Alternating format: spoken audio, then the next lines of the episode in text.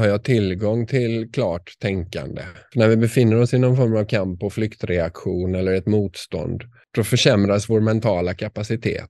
Vi kan inte mm. tänka lika klart och lika tydligt. Men när vi befinner oss i ett internt ja och någon form av ja, glädje, då uppstår någon form av inre balans som gör att vi har tillgång till hela spektrat av våra mentala förmågor. Vi blir inte reaktiva och kortsiktiga och undflyende utan vi kan vara konstruktiva, inriktade på koppling och gemenskap och problemlösning. Och är det något vi måste ta itu med idag så är det komplexa problem. Och de klarar vi inte att, att ta oss an utifrån ett ett inre tillstånd av tajthet och kortsiktighet kortsiktigt tänkande. Utan vi måste klara av att vara med och öppna upp för osäkerheten, det komplicerade. I veckans avsnitt av PLC-podden gästas vi av Paul Dobrin som är grundare av Care Meditation. Han är meditationslärare som hjälper andra att hitta djupet inom sig själva. Och Care som han har startat står för Compassion, Awareness, Resilience och emotion.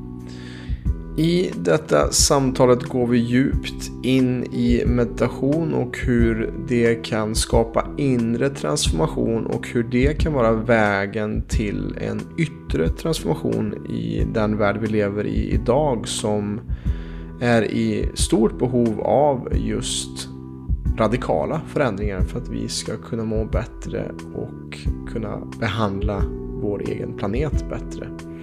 Så välkommen till detta djupa introspektiva samtal som är väldigt filosofiskt och eh, väldigt intressant. För mig var det också att spendera den här tiden med Paul och hoppas att du tycker detsamma som lyssnar.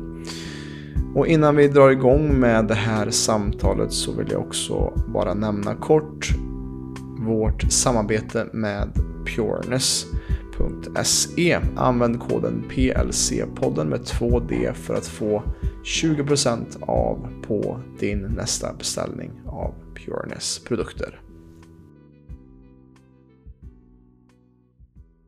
Hej och välkommen till PLC-podden, podden som förändrar Sveriges syn på hälsa. Idag har jag med mig Paul Dobrin som är meditationslärare och grundare av Care och Carry-appen och jobbar med sitt företag Empaticus AB. Välkommen till PLC-podden Paul. Ja, men tack. Trevligt Hur känns det att vara med, med här idag? Ja, fint, fint. Gött. Mm. Och jag tänkte varför jag vill ha med dig här idag är att jag vill gå lite djupare in och snacka kring meditation och ditt arbete du gör med att också sprida det eh, ja, genom meditationslärprogram och hjälpa andra att hitta lugnet inom sig och, och balansen. Och också att det finns också en en mission i att skapa ett mer globalt också hållbarare samhälle genom meditation, vilket jag tycker är väldigt intressant eh, tillvägagångssätt och mission som du har med eh, det du vill göra. Eh, kan du berätta lite hur, hur startade det här arbetet för dig kring meditation och vad är det som gör att du brinner för det så mycket så att du vill ge det till så många människor? Mm, bra fråga. Eh, jag tror att den motivationen som vi har att ge oss in i meditation oftast tillhör två kategorier. Och den ena är att ja, gå bortom någon form av lidande. Att det är någonting som skaver och att det blir en drivkraft till att leta efter andra sätt att arbeta med sig själv eller se på världen eller någon form av strävan efter att förbättra sin situation. Då.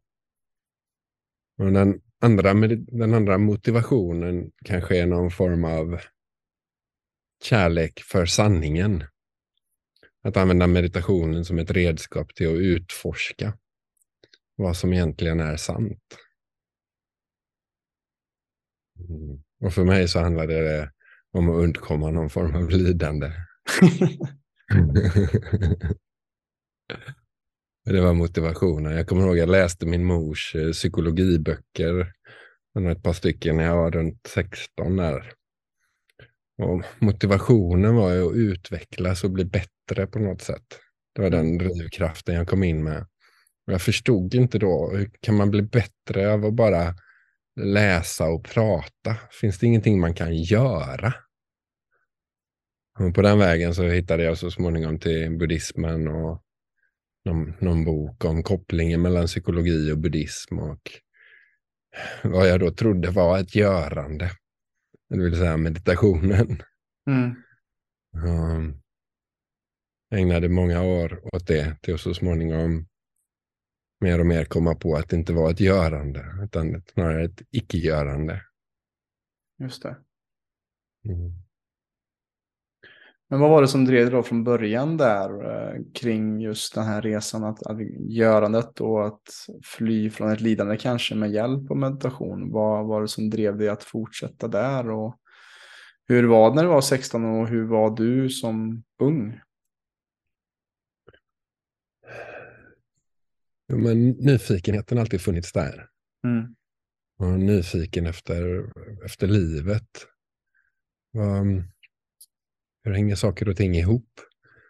Så, så fort jag blev stor nog och kunde ge mig iväg på egen hand så bar resan av till Dharamsala i norra Indien. Den tibetanska exilregeringen där för att lära mer om buddhismen. Och eh, där fick jag sitta min första retreat och komma i kontakt med hela munkvärlden av munkar och nunnor. Och, ja, en kultur som var väldigt långt bort ifrån vår egen. Mm. Och, några starka upplevelser under den första retriten där gjorde att det här var någonting att ägna mer tid åt och lära sig mer om. Var, man kan säga att jag var fast från början. Ja, just det. det var inte ett val, det var bara på vilket sätt som var frågan. Ja. Och hur, hur, känner du att du relaterar till meditation idag jämfört med när du startade? Vad, vad har skiftat kring ditt sätt att se på meditation? Wow. Jo, men framförallt det här eh, ur perspektivet av ett görande eller ett icke-görande. Så, så på en djupare nivå så kanske meditation är vad vi är inte vad vi gör. Och framförallt så det som driver mig och kittlar mig idag är hur kan vi, hur kan vi göra en förflyttning tillsammans? Hur kan vi, hur kan vi som mänsklighet använda de här uråldriga kunskaperna och teknikerna till att rent praktiskt lösa många av de problemen som vi står inför idag. Vare sig det är på individuell nivå eller samhällelig nivå. Mm. Vad, är, vad är vinsten? Vad är meditationens roll i den utmanande tid vi lever i?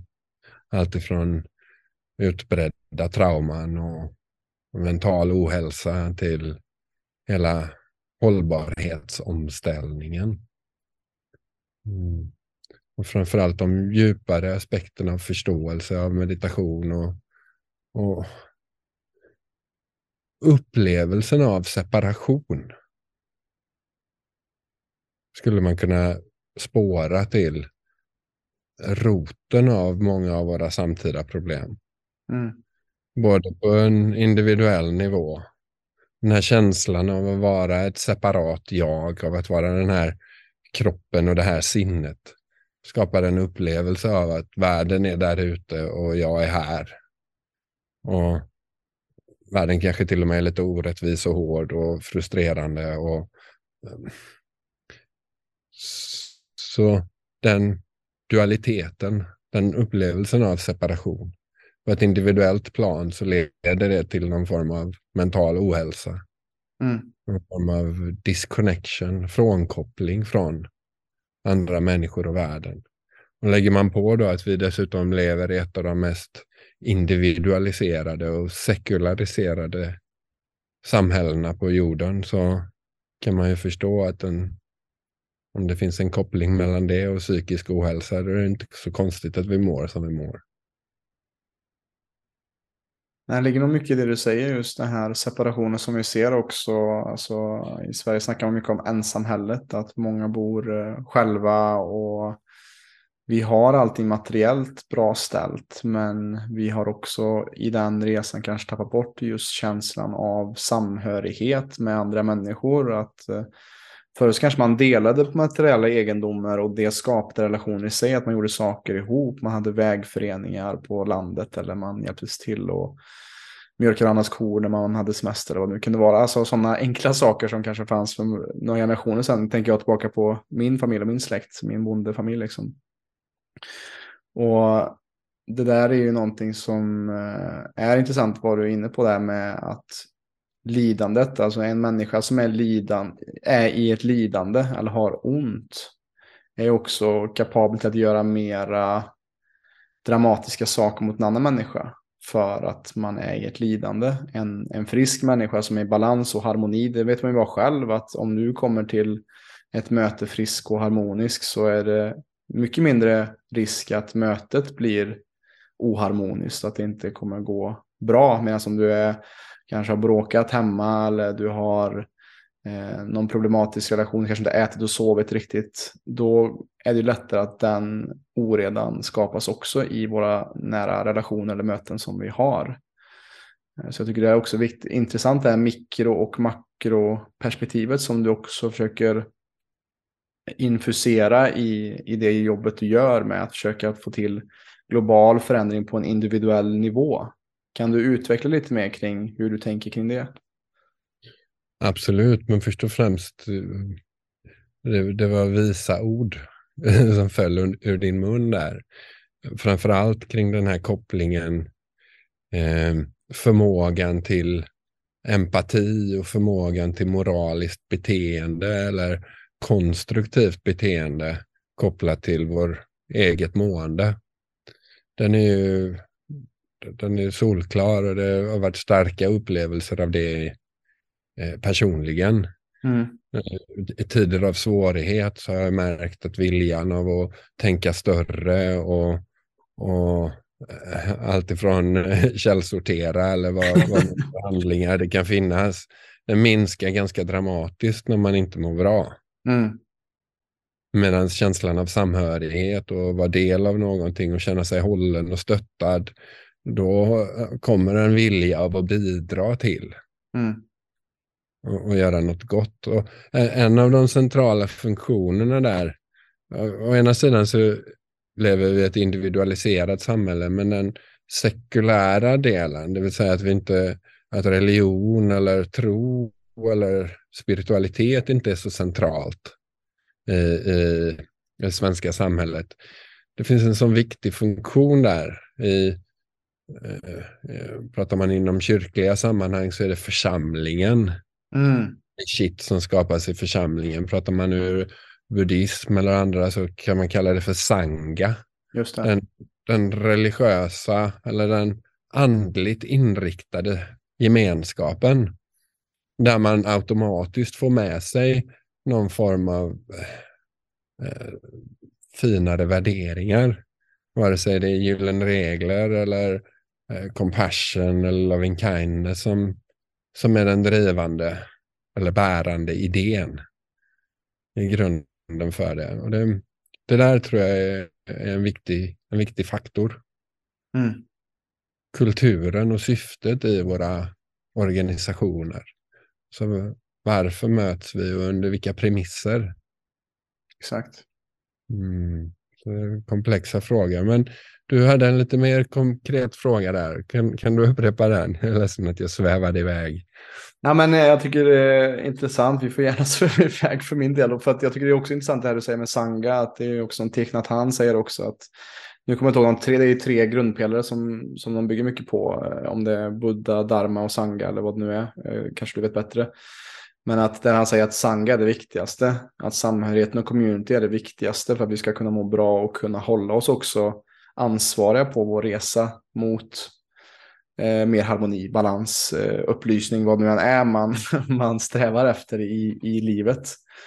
Eh, att det är också det här gamla ordspråket att vill du gå snabbt, gå ensam, men vill du komma långt, gå i grupp. Alltså att, ja. att det är så viktigt att veta att de dagarna när man faller vid sidan och inte kan bära sig själv, att det finns någon som kan lyfta en upp under axlarna och, och ta en med eh, ett tag tills man själv kanske behöver bära den personen. Alltså att det finns något väldigt vackert i det som vi har glömt bort i det här individualiserade och sekulariserade samhället som vi lever i idag. Absolut. Eh, men min fråga, min fråga var väl eh, kring just eh, det, se om jag kommer ihåg, men just kring det perspektivet att skapa förändring globalt genom personlig transformation. Att, vi, att förändringen startar i oss själva för att sen kunna sprida det vidare. Ja, ja men en aspekt av det var ju det vi tog upp där om, om mm det personliga välmåendet och kopplingen till eh, engagemanget eller viljan av att bidra till en bättre helhet. Mm. Ett, ett, sätt att illustrera det är, är graden av separation där då, för att komma tillbaka till det begreppet. Och överlag om man, om man ska prata om inre transformation kopplat till yttre transformation så för mig är det ganska uppenbart att vi behöver alla utveckla en form av olika färdigheter och egenskaper eh, som krävs för att kunna genomföra en mer omfattande omställning. Och speciellt om vi nu pratar om ett systemskifte av den magnitud som kommer att krävas av oss mm. de kommande åren. När, när det här rådande systemet, både politiskt och ekonomiskt och miljömässigt. Det går inte att bara, det går inte att bara ändra lite smått på det, utan vi kommer ju behöva en, en ordentlig, ett ordentligt omtag mm. för att kunna klara av den förändring som krävs för att vi ska kunna fortsätta på den här planeten. Och det är klart att det kommer ju medföra enorm osäkerhet och Eh, ja, kanske perioder av mi mindre resurser och att man får göra avkall på saker. Vi, vi har ingen aning om hur det här kommer se ut. Men tveklöst så desto mer centrerade, desto klarare tänkande, desto mer öppna hjärtan och desto mer känsla av gemenskap vi kan ta med oss in i den transformationen, desto bättre kommer det gå för oss.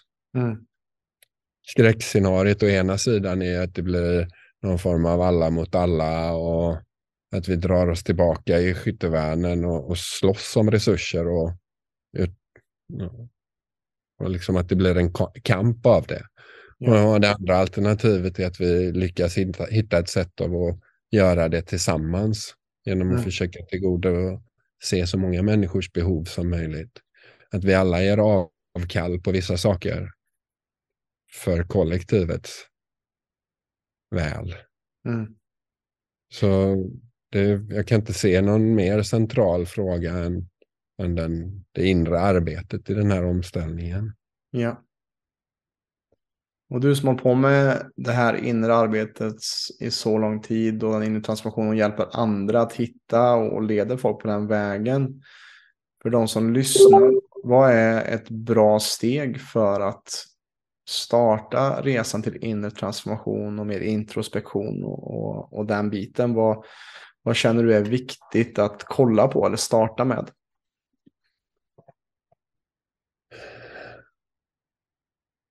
Det finns ju massa olika meditationstekniker och tillvägagångssätt, men jag tror att den första, den första och mest avgörande frågan är att titta på vårt förhållningssätt eller vårt perspektiv. Mm. Eller vårt mindset eller hur, hur man nu vill förklara det där. Och det kan också hänga ihop med den här skalan av grad av separation. eh, för att förtydliga, så lever jag med en inställning om att världen är orättvis, hård och kall och att människor är egoistiska idioter och det gäller att se om sitt eget. Och eh, lever vi med en, och, och, och, kultiverar en sån, ett sånt synsätt så blir vår upplevelse på ett sätt. Mm. Men en av de mest transformerande praktiker man kan göra är att försöka skifta till att fokusera på de sakerna som finns att vara tacksam för. Att det man kan uppskatta hos andra. Det trycket som vi alla befinner oss under från media och från eh, eh, ja, att allting är på väg att gå åt pipsvängen och, och epidemier och eller pandemier. och Det där försätter oss i ett tillstånd av motstånd och eh, ett väldigt tufft inre klimat. Mm. Men kan man avsiktligt ta lite tid till att försöka nyansera den där bilden som vi blir påprackade? Att istället lära oss att avsiktligt uppmärksamma det vackra som finns. Det som finns att vara tacksam över.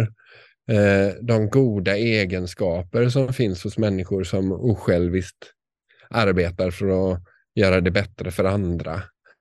Alltså, det vackra i att vi har så mycket människor som väljer att göra en karriär inom vården som går ut på att ta hand om andra människor eller som väljer att göra en karriär inom utbildning som, som vill forma och lära unga förmågor trots att båda dessa branscherna är eh, väldigt dåligt avlönade.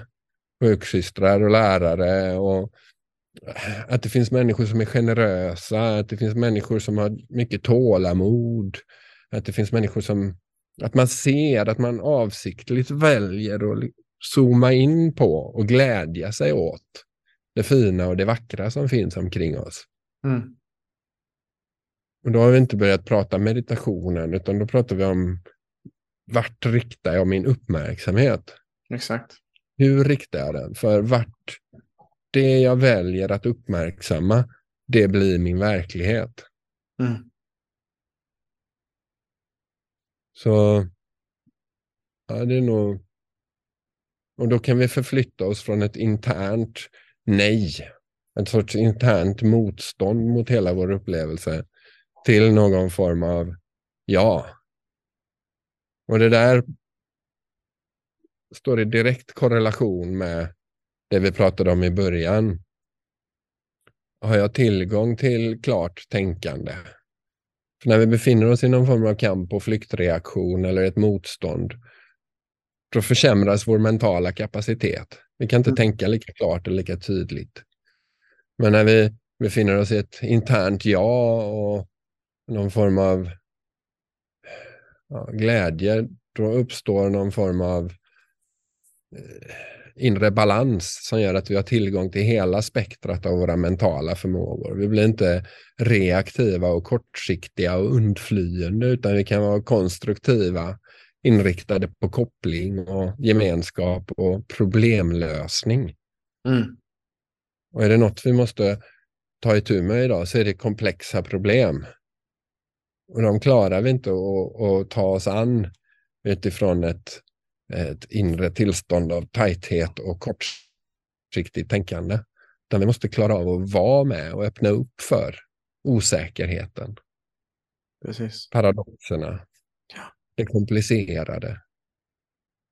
Och att vi inte har kontrollen. Och, och, det tycker jag också när du snackar om tacksamhet. Jag, jag, när du sa det så tänkte jag bara på hur många olika faktorer och hur många saker och människor som har tvunget att falla på plats att vi ska kunna ha det här samtalet just nu. Att jag har den här micken, jag har eh, datorn, jag har eh, internet, jag har min webbkamera som jag har köpt på Elgiganten. Och det är så många instanser i en värld där vi kan se så många fel så är det ändå så mycket som funkar och som håller oss och som gör att saker kan skapa, att vi kan skapa det som vi gör här idag. Att, att som du säger också, Alltså kring meditation, är det, är det någonting jag har lärt mig med det jag har gjort mediterat är att som du sa, lite som Saurons öga, vad fokuserar vi på? Vad väljer vi att lägga vårt fokus på? Och, och det vi lägger och väljer att fokusera på, det kommer ju växa. Så fokuserar vi kollektivt på allt som inte funkar och hur allting är dåligt så kommer vi också inte se lösningarna. Och som du säger också med kamp och flykt och vara i en stressrespons och vara i ett nej kroppsligt. Jag tänker också på om man, en liknelse också med hjärnan, att vi har tre olika hjärnor kan man ju säga. Att vi har reptilhjärnan, vi har däggdjurshjärnan och så den nya neocortex som är den nyaste man säger. Eh, evolutionärt sett. Och med rädsla och med fel fokus så hamnar vi ju i reptilhjärnan där det är kampflykt. Alltså tänk en krokodil, vad gör den? Den, är, den har sex och den letar efter mat. Det är liksom det som är fokus. Och det är där som det kan bli för oss människor, att vi hamnar i, när vi inte är i tacksamhet, när vi hamnar ur fas, när vi hamnar ur balans, så kommer vi tillbaka till vår egen reptilhjärna. Där det inte finns fokus på att skapa en bättre framtid och att öppna upp våra hjärtan. För att vi har inte kanske nog med att vi är oroliga för vart vi ska få maten eller att det är krig runt hörnet. När vi upplever att vår överlevnad står, i, i, står under hot. Ja, precis. precis. Ja, regredierar vi. Ja. Mm.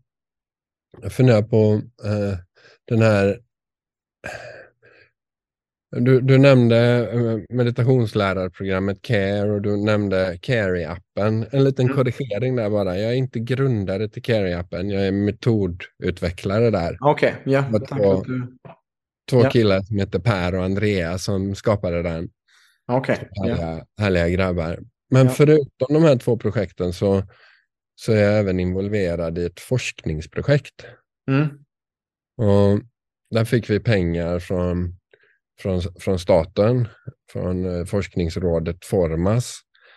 Eh, och det är med utgångspunkt i meditationen. Men om vi, om vi tittar på hur forskningen på meditation eller mindfulness har sett ut så har den nästan uteslutande skett inom hälsoområdet.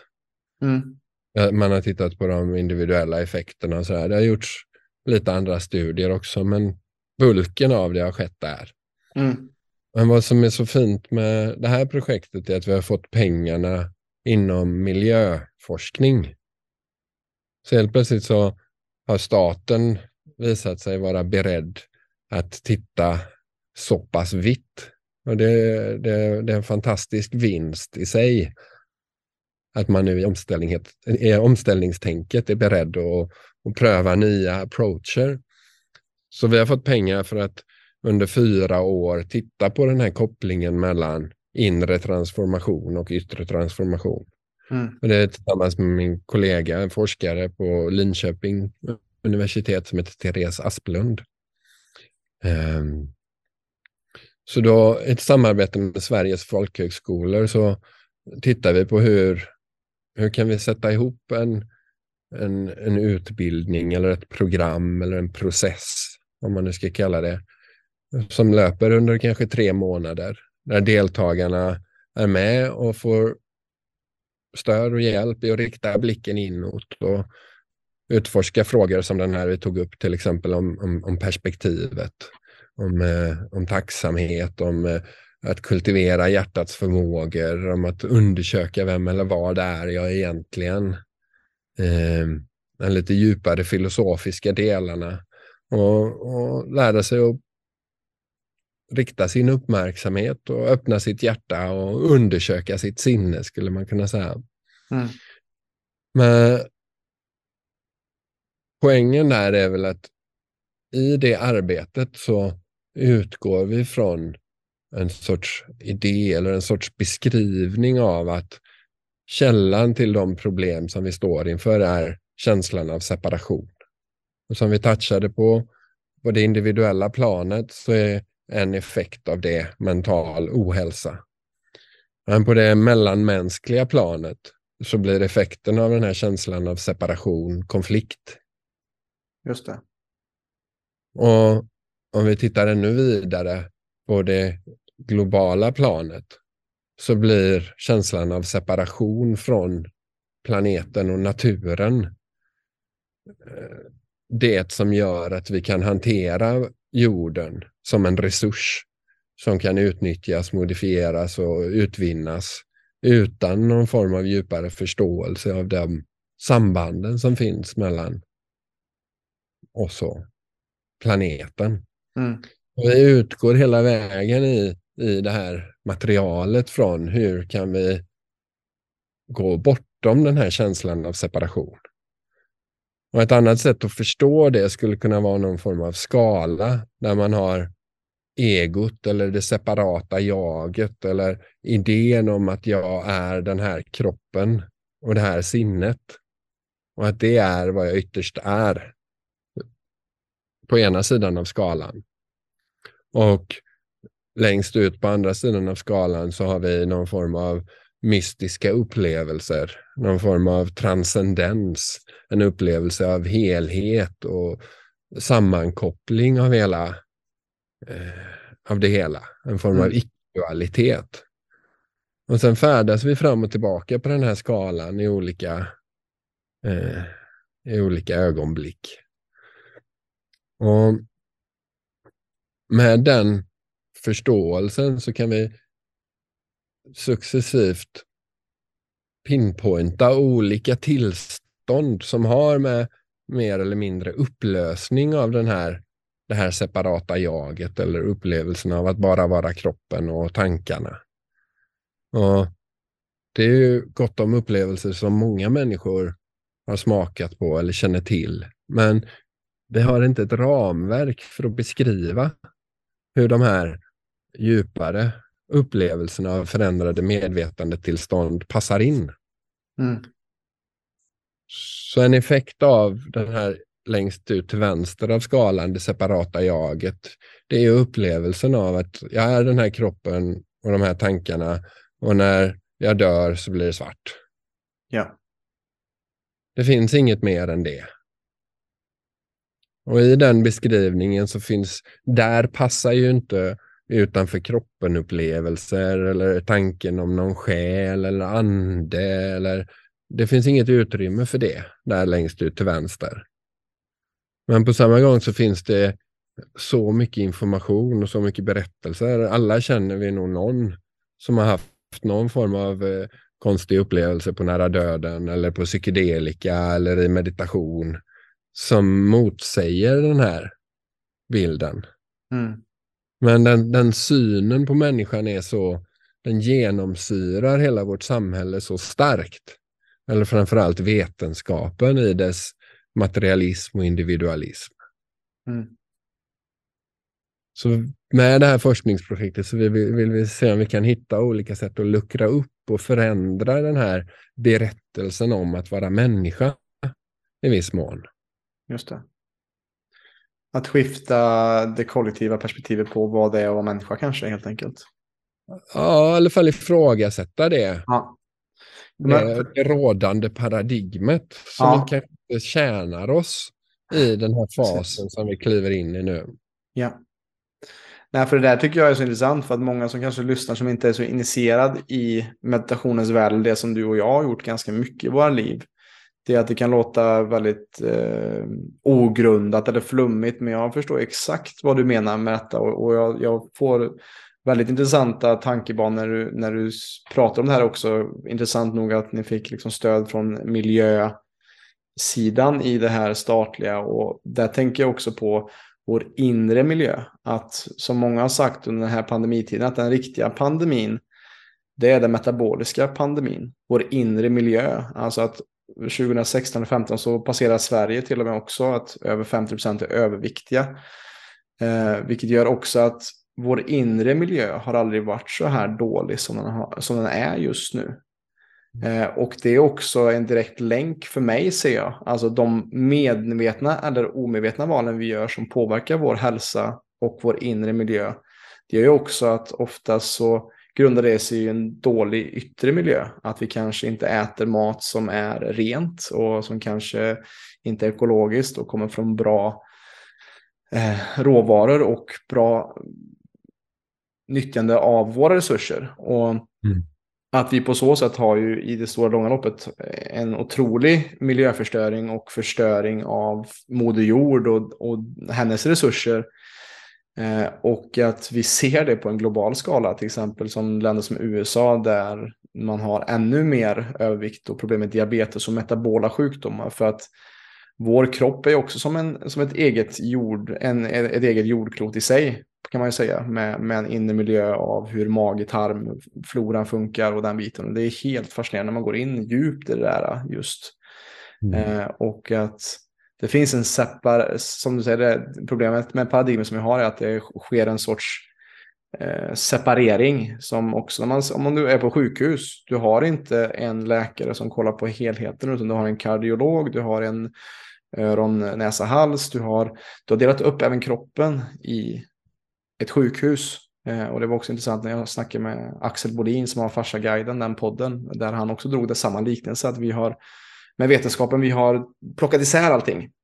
Mm. Plockat isär, plockat isär, plockat isär istället för att se att allting funkar ju i relation till varandra. Så när du plockar isär saker och försöker förstå så tappar du också bort kanske helheten i det och helhetstänket som jag tror du är inne på med det här forskningsprojektet, att se helheten kring hur vår inre miljö påverkar vår yttre miljö för när vi har en bättre inre miljö så tar vi också bättre val kring vår hälsa som i sin tur gynnar kanske vår yttre miljö på andra sätt och vis.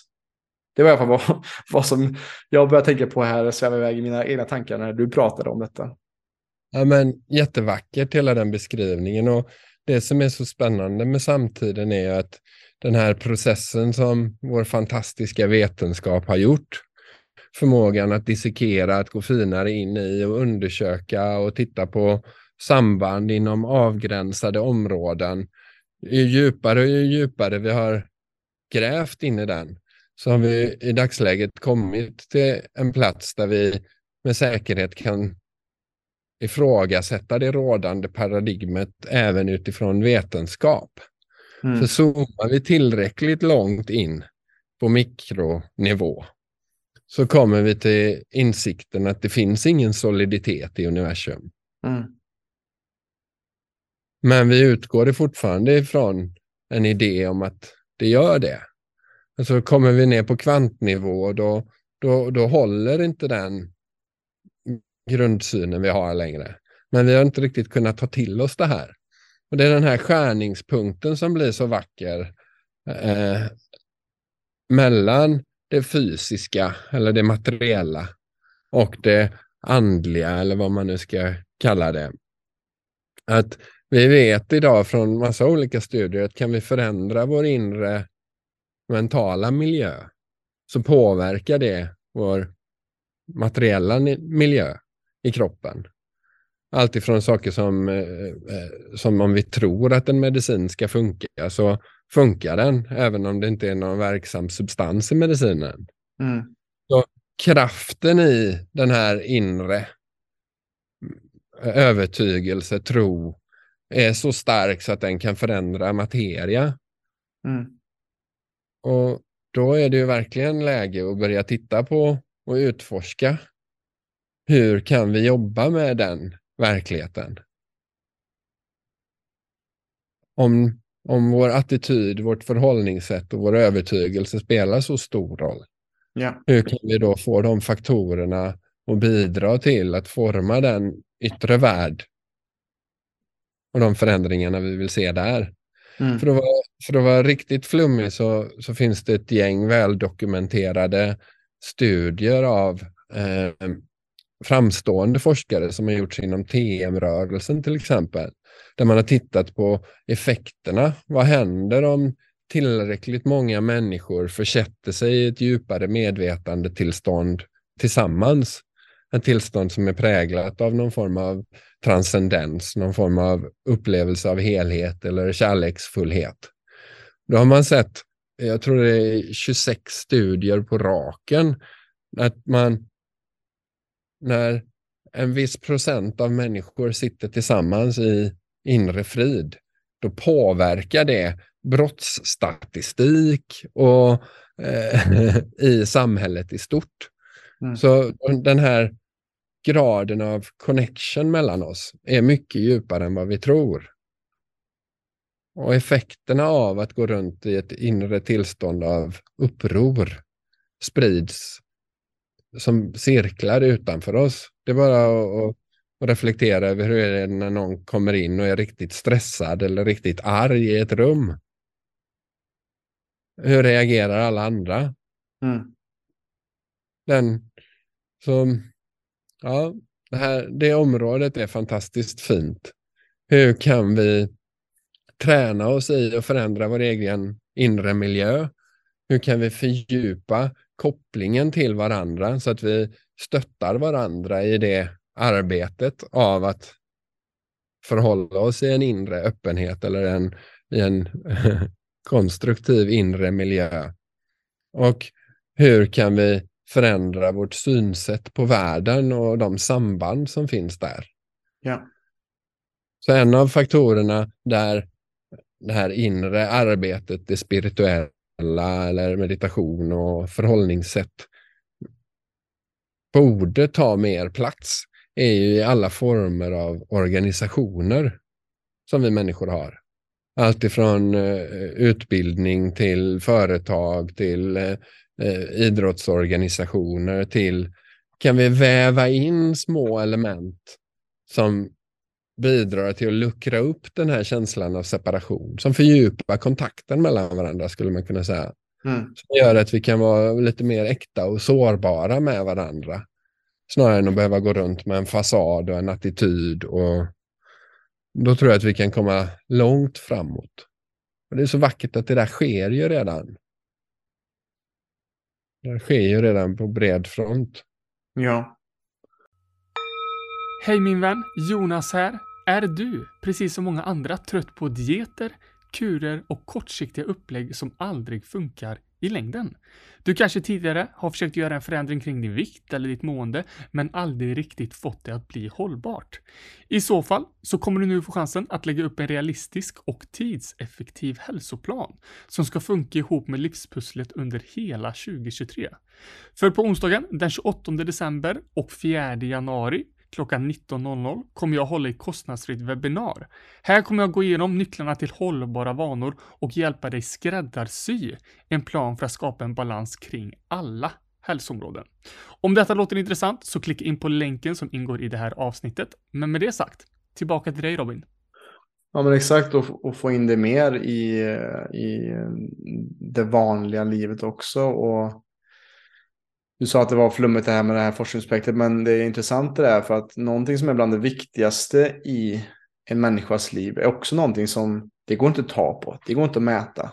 Och vad är det? Jo, kärlek. Alltså, du kan inte mäta kärlek. Så här, Idag älskar jag dig 10 kilo. Idag, men, men det är ju, många kan nog hålla med om att det är oftast kärleken till någonting eller en person eller ett, ett syfte som drar oss åt något håll i livet. Att det är nästan som att ibland känner att vi väljer inte för att det är någonting annat som väljer för oss. Eh, och det är inget som man kan göra en studie på att hur mycket kärlek känner du just nu Paul i, i, det här, eh, i den här relationen eller, eller den här biten. Och ändå är ju kärlek bland det starkaste som finns för oss människor. För att det är det som kopplar samman oss och, och gör att vi skapar liv. Mm. Och vi vet idag att vi kanske inte kan mäta det på det sättet som du säger, men vi kan vi skulle kunna placera kärlek på någon form av skala av inre tillstånd där hat eller illvilja mm. är den ena extremen och kärleksfull vänlighet och omtanke är den andra extremen. Så vi kan ju på något sätt se hur vi rör oss och hur vi befinner oss på den här. Och för att knyta an till det du sa tidigare om att bry sig om andra människor och världen i stort. När vi inte mår bra så går vi runt och är irriterade och arga och tycker att eh, systemet och världen och folk överlag är idioter. Och när vi har mer kärleksfullhet och, och, och mår bättre då är ju önskan om att bi vilja bidra och samverka och umgås och ha andra människor nära mycket större. Mm. Och det där går ju att träna. Det där är ju det där är kvaliteter som vi målmedvetet kan utveckla i oss själva. Mm. Och då, då är det en kombination av insikt kring vad, vad, vad, vad, är inre tillstånd för någonting? Och kanske någon form av insikt som, Eh, om, om vem eller vad det är jag egentligen. Och för att göra det väldigt enkelt och konkret så är det första steget, är jag mina tankar?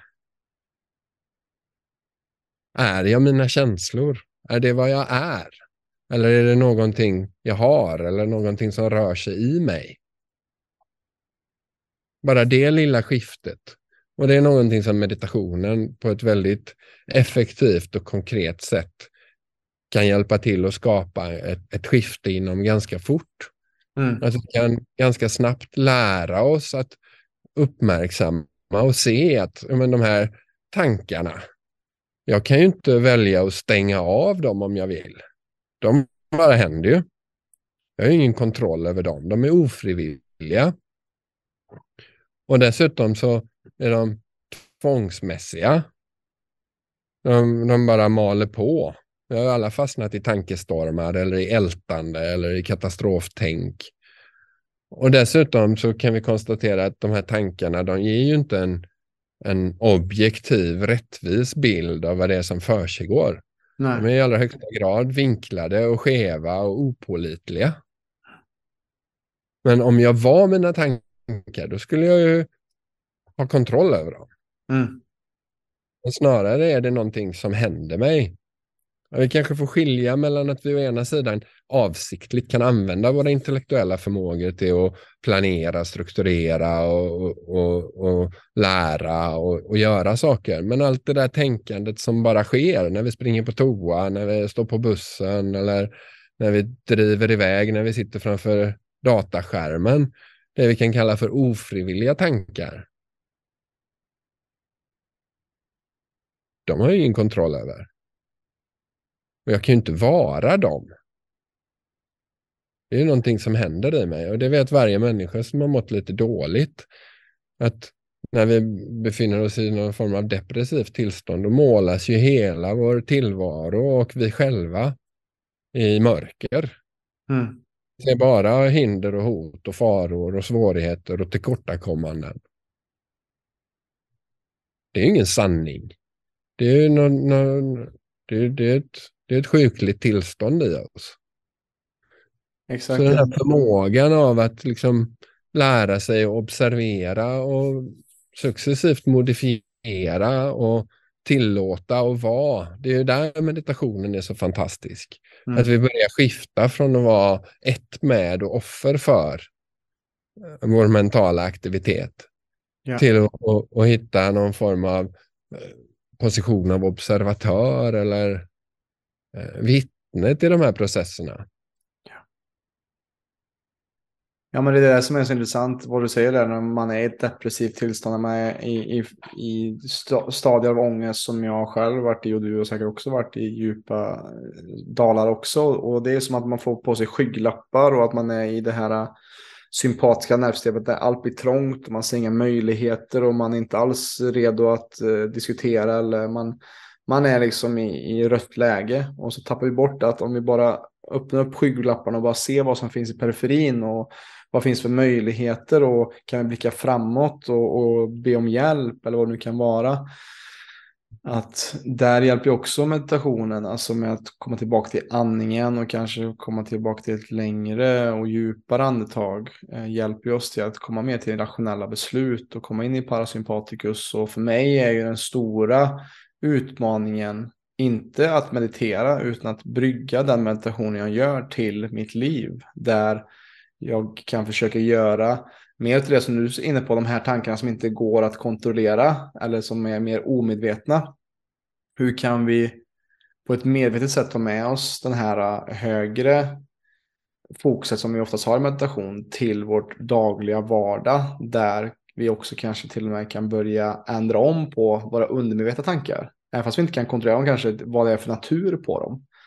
Och att också bara ta ett avstånd till att inte, alltså till, till och med jag typ skrattar åt mig själv ibland. När det är saker som jag tänker om mig själv. Eller när det kommer en kritisk tanke om det där är inte sant. alltså ha lite, ha lite humor till den mänskliga upplevelsen eh, kring eh, hur vi tänker saker som bara är bara skit ibland. Ja. Och, och nyckeln eller källan i det där är vem tar vi oss som att vara? Mm. Identifieringen med mm. tankar är ju faran där. Ja. Så den, löftet som den andliga resan på något sätt medför är ju en sorts successivt skifte i varifrån tittar vi. Mm. Först bara förmågan att kunna se tankar och känslor. Att bli medveten om dem när de händer, snarare än att vara dem. Och sen successivt till att kunna titta från en allt djupare plats, där allt det här blir fenomen som uppstår och försvinner. Men jag uppstår och försvinner inte. Jag, det som medvetenheten i vilken allt det här utspelar sig. Jag är hela tiden här. Mm. Och det, mm. och det är så spännande med de här tiderna för vi har idag tillgång till så fantastiskt mycket redskap och så fantastiskt mycket information. Tänk om vi hade levt för hundra år sedan. Vår, vår input inom det mentala och det andliga skulle vara extremt begränsad. Idag har vi, alltså bara man ska spåra några av sakerna som har hänt. Först var det någon våg av eh, yoga till Hollywood och Marilyn Monroe och hela den här tiden. Och sen så invaderar kineserna Tibet och helt plötsligt så har vi tibetanska center kors och tvärs över världen. Och nu med internet och, och all den information som finns där. Och vi har skövlande av regnskogen som gör att vi får tillgång helt plötsligt till ursprungsbefolkningens visdom och traditioner och arbeten. Alltså, vi lever i en tid där vi som individer har tillgång till hela spektrat av mänskliga andliga traditioner. Mm. Alla olika religioner, alla olika tillvägagångssätt, ursprungsbefolkningar och så samtidigt så samtidigt som alla dessa svåra tendenser finns, politiska, ekonomiska, miljömässiga, så finns det ett sorts support som kommer från alla håll. Alltifrån den vetenskapliga forskningen på hjärnan och kunskapen om hälsa och de olika andliga traditionerna. Och, eh, jag tycker det är vackert. Vi befinner oss i en, en perfekt storm här nu. Och I den stormen så kan vi få tillgång till allt det här stödet. Det är intressant det där, just den här dualiteten som du snackar om också här, att det kan verka väldigt mörkt på många sätt och vis i, i ekonomiskt, i, i miljömässigt och den biten, men det finns också en, en stor, alltså så fort du har någonting som är mörkt så måste du också ha någonting som är dess motpol. Att vi ser nog det som, det som du beskriver här nu är ju lite det som kanske sker, att um, det sker också en, en spridning av att fler och fler kanske vaknar upp till att vi behöver göra annorlunda för att det börjar bli väldigt, väldigt mörkt här borta. Och därför behöver vi mer ljus och, och sätt att arbeta på för att överkomma det. Att, att brygga det. Och det kanske aldrig varit så tydligt just nu. Och det är därför det är så mycket alarmism kring, kring saker och ting tror jag i samhället idag. Att allting går åt pipsvängen. Men det kanske är början på något stort. Jag ser också Ser du bara på en, en barnafödsel. Det, det, finns liksom inget, alltså det vackraste som finns är när barn kommer ut och föds till världen. Det är inte så att det sker på ett vackert sätt med att det är helt fläckfritt och inget blod och skrik, utan det är ju... det är liksom En, vad sa du? Och ingen smärta. Och ingen smärta alls. Liksom. Det, alltså, det, det är ju det, en födelse av någonting vackert kan ju också vara väldigt, väldigt geggigt och, och mörkt. Och när vi väl kommer i kontakt med liv, att, att skapa liv, så kommer vi också oftast i kontakt med döden också. Att varje kvinna som föder är också, har en risk att, att dö i den, i den aspekten när man ger nytt liv. Mm. Det är helt otroligt vad kvinnan går igenom. Och, och som vördnad jag har för, för det feminina alltså. Men, men det är ju lite det som du är inne på det här att för att någonting större om det ljuset ska kunna ske så måste också finnas lite kaos, oordning, eh, saker som inte alls verkar harmoniskt. Som, som ger liv till någonting nytt. Verkligen, och, och när, när, vi är inne på smärta och, och de här sakerna så en annan, ett annat fantastiskt int, intressant område är ju trauma. Mm. Både på i, vad vi på individuellt plan bär på för mönster och för programmering och för vad, vad färgar vår upplevelse internt och våra sätt att tänka. I det här arbetet med eh, nykterhetsappen till exempel, av alla människor som kämpar med någon form av missbruk, och då är det inte bara de som har grova missbruk, utan missbruk i allmänhet, att vi, om vi definierar det som någon form av försök att mildra eller lindra någon form av inre tillstånd med hjälp av en substans eller aktivitet för att få en stunds lättnad. Men att den här eh, substansen eller aktiviteten kanske är eh, inte förenlig med vårt långsiktiga väl och mm. vi kanske inte riktigt kan sluta med den. Vare sig det är att vi smiter ner till kylskåpet eh, och gläntar på det så fort det dyker upp något obehag i oss. Vi sitter på soffan, egentligen är vi inte hungriga, men det uppstår någon form av inre obehag som vi vill undkomma. Och helt plötsligt så står vi där framför kylskåpet och tittar på, finns det någon syltmacka här eller? Mm. hur, kan jag, hur kan jag komma undan den här inre upplevelsen? Lång historia kort om, om, om mekanikerna bakom och inte vilja vara med det som är. Men det är fantastiskt att se den rörelse av traumakunskap ja som sprider sig i alla olika delar inom mindfulness, inom eh, vård, inom alltså, och de olika typer av trauma som blir intressanta nu. Både de individuella traumorna av olika upplevelser som vi inte har kunnat härbärgera i vår egen livstid. Men också det som kallas för generationellt trauma. Att vi i vår kropp på något sätt bär eh, vår blodslinjes trauman. Oförlösta eh, tidigare upplevelser tankas på något sätt ner genom genetiken in i våra kroppar. Och det sker en överföring i, i um, från moderns kropp till barnets kropp under de nio månaderna. Mm.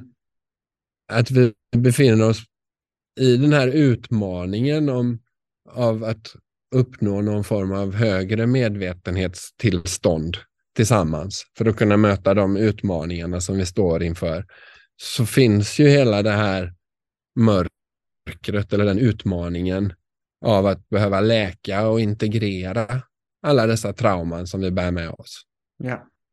Jag kom in på det när du pratade om födseln överlag. Men det, ja, men det, det, det, är ju alltså en födsel är ju nästan en traumatisk upplevelse. Tänk du ligger så här nio månader på ett, ett varmt 37-gradigt spa och du får mat liksom serverat rätt in. Du behöver inte ens tugga och sen så ska du ut i en kall värld och någon klipper av din din näringstillförsel och du måste börja använda munnen för att suga på en tutte. Alltså det är ju ett stort trauma.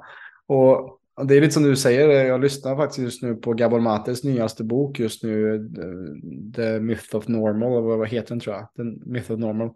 Just när han snackar om det, hur, hur vi kan föra över trauman till nästa generationer och att det är om vi måste gå till botten med dem och inte att det behöver vara att gå till botten med dem för att förändra just kanske saker kring vår genetik. Eh, men det där tycker jag är också intressant för att jag tror att du kan också skriva under på det att ju djupare mörker vi har mött våra liv, desto också, det är inte så att vi vill göra om det, men vi hade nog inte velat vara utan det heller, för att det visar oss någonting djupare inom oss. Det, mm. alltså, det är inte när vi sitter på en strand i, i Thailand och sitter på en pina colada som vi utvecklas. Utan det är ju när det är riktigt jobbigt, när det är riktigt tufft. När vi tvingas att rannsaka oss själva. Och de rutiner, de val och eh, ta konsekvenserna av kanske eh, dålig moral eller etik som vi haft. Eh, det, det är mm. där vi verkligen så här behöver ransaka vårt eget mörker och möta, som du är inne på, vårt kollektiva mörker kanske här också. Att det bubblar upp, det är kanske det som vi ser nu också, det bubblar upp saker som har legat under ytan under en väldigt lång tid kollektivt som vi behöver se på som en global eh, stor organism och ta itu med och jobba med. Precis så, jag hade inte nämna det, men, men det, det du touchar på där är det kollektiva traumat också. Mm. Och, ja, det är fantastiskt fint att vi får å ena sidan hela den här redskapslådan av olika tekniker och tillvägagångssätt och synsätt från olika andliga traditioner. Och på samma gång så har vi hela det här eh, eh, kollektiva och individuella och generationella traumaarbetet att göra. Mm. På vägen mot någon form av högre medvetandetillstånd som präglas av att, att eh, vila i positiva inre tillstånd som tacksamhet, kärleksfullhet, medkänsla, förundran, eh, omtanke, värme, välvilja. Mm. Så man kan se, se all, alla de här faktorerna som en dans med varandra och det är där det inre arbetet blir så viktigt. Mm. Att stötta varandra och att, och att göra sin egen, egen resa. Och pratar man om trauma så, så för att komma tillbaka till den här eh, skalan av känslan av separation så trauma medför ju en upplevelse av separation. Medan för att läka trauma så behöver vi hitta connectionen med andra. Mm. Ett av de absolut bästa sätten att, att läka trauma är ju tillsammans. Ja. Att vila i någon form av fält av närvaro eller medvetenhet som tillåter de här sakerna att få, få bubbla upp. Mm. Och vi kan stanna i kontakt med varandra och låta det få frigöras och släppas ut. Så det här med individualism, det, det, det är inte den vägen vi ska gå. Nu är det dags att kroka arm. och vandra varandra hem eller vad var det? Jag vet inte om det var Krishnamurti eller vem det var som sa det. Ja, Ramdas va? Each other home. Mm. Tror jag Ramdas. Ramdas. Walk each other home. Ja. Mm. ja, det är en intressant eh, resa att vara i en eh, vara i jorden just nu. Eller på jorden just nu kan man säga. Ehm, och jag tänker att det är en ganska fin plats att runda av det här samtalet på, Paul, tror jag. Just eh, dags att kroka arm med, med någon annan eller med alla runt omkring dig. Är det, är det någonting mer som du vill säga som du tänkt på eller som har varit orört eller som du vill lämna lyssnaren med just nu kring allt det vi har pratat om? Det har varit ganska djuplodande för att säga. Vad är någonting som du känner du vill lägga till där? Eh, jag tycker vi har, jag tycker vi har fått toucha på väldigt många fina teman. Mm. Utifrån vad, vem eller vad vi är till till ego och till vikten av det inre arbetet och traumat. Och, ja, jag uppskattar det här samtalet mycket Robin. Mm. Jag med. Det har varit en resa i sig bara att, eh, att sitta och det är som jag brukar säga också för mig är poddandet det är en sorts meditation att bara vara härvarande med en fantastisk människa och bara få, eh, ja, men få nya influenser och att det är liksom som att man efter att prata med dig så får jag nya sätt att se på saker och ting. Det skapar nya sätt för mig att tänka och koppla olika tankar och det gör att jag lär mig och det är så otroligt spännande varje gång och jag är otroligt tacksam för att du ville vara med här idag. Så, så stort tack för det och för de som också lyssnar som vill komma i kontakt med dig Paul, som också kanske, som kanske är mer intresserade på att meditera efter att ha hört detta. Liksom, wow, detta kanske är jätteintressant. Eller så kanske de har tappat bort oss i det som folk kanske tycker är flummigt. Det skiter vi i, tycker jag. Folk får tycka vad de vill om det vi gör. Non-attached to the outcome. Eh, och eh, ja, vart hittar folk dig? Och till exempel det här meditationslärarprogrammet och, och de bitarna.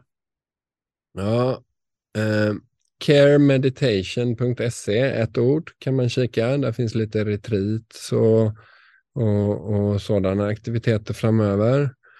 Meditationslararprogrammet.se är ett annat ställe. Cary.app, det är C-A-I-R-Y.app.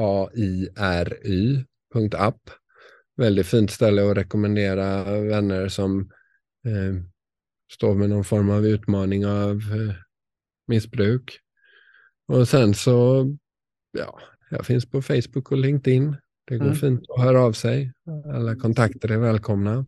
Ja. Ehm, och ja, Om du känner för det så, så skickar jag gärna med en liten meditation för den som vill prata. Eller den som vill prova. Mm. den som vill prata. Det kan du avgöra om du vill ta med det Robin. Det kan jag göra absolut tycker jag. Kan länka dig i beskrivningen av det här avsnittet till podden tycker jag. Faktiskt. Skicka en liten ljudfil. Ja. Och ja, sen så som en avrundning där så kroka arm. Det landade bra. Vi, mm. vi kan bara göra det här tillsammans. Ja. Mm. Precis. Exakt. Stort tack Paul och som jag brukar säga har det här varit spännande, inspirerande och kittlat lite dina tankar och nerver. Så för all del, dela med dig av det här avsnittet så vi med stadig, rask takt kan förändra Sveriges syn på hälsa. Tack för att du har lyssnat idag.